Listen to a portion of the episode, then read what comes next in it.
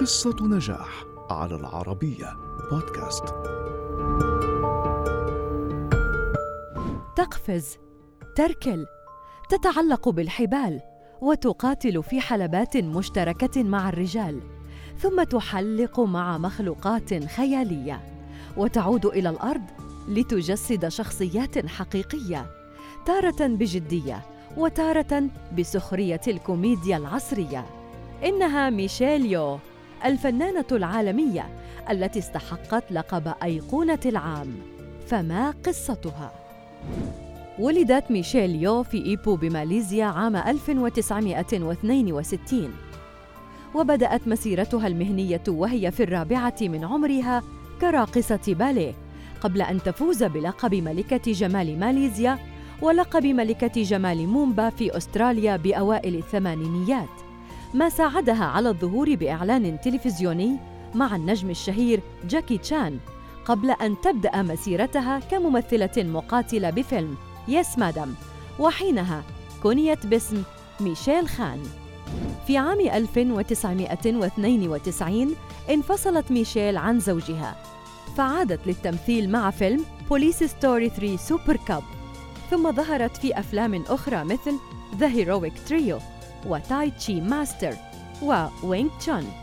قبل أن تحصل على فرصتها الذهبية وتنضم لممثلي سلسلة جيمس بوند حيث ظهرت في فيلم Tomorrow Never Dies عام 1997 ثم جاء اختيارها لدور قتالي عام 2000 بفيلم Crouching Tiger Hidden Dragon. وهو العمل الذي حازت عنه على جائزة أفضل ممثلة مساعدة في حفل توزيع جوائز جولدن هورس لعام 2000 في عام 2002 بدأت عملها كمنتجة للأفلام مع فيلم ذا تاتش وقامت ببطولته لكنه لم ينل الاستحسان المطلوب لكنها لم تتوقف وتابعت الظهور بأفلام ناجحة فقدمت فيلم الدراما Memories of Geisha وفيلم The Lady. حيث جسدت السيرة الذاتية لوزيرة خارجية ميانمار أونغ سان سو تشي. ثم عادت ومثلت شخصية خيالية في فيلم الخيال العالمي The Mummy Tomb of the Dragon Emperor كما ظهرت بفيلم المغامرة والدراما Reign of Assassins الذي كان من أعلى الأفلام ربحاً آنذاك. في السنوات الأخيرة اختارت ميشيل أعمالها بعناية فلعبت دور البطولة في المسلسل التلفزيوني الضخم. Star Trek Discovery ثم ظهرت بالدراما الكوميدية Crazy Rich Asians. وكلاهما حصل على ترشيحات عدة لجوائز مهمة.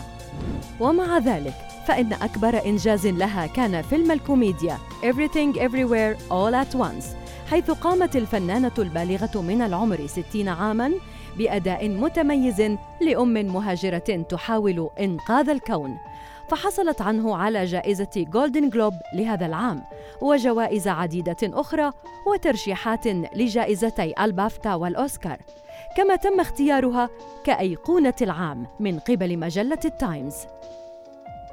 قدمت ميشيل خلال مسيرتها التي امتدت لأربعة عقود من الزمن نحو 56 عملاً وباتت راقصة الباليه الماليزية أحد أهم أسماء الصف الأول في هوليوود وأصبحت تتربع على ثروة تقدر بأربعين مليون دولار.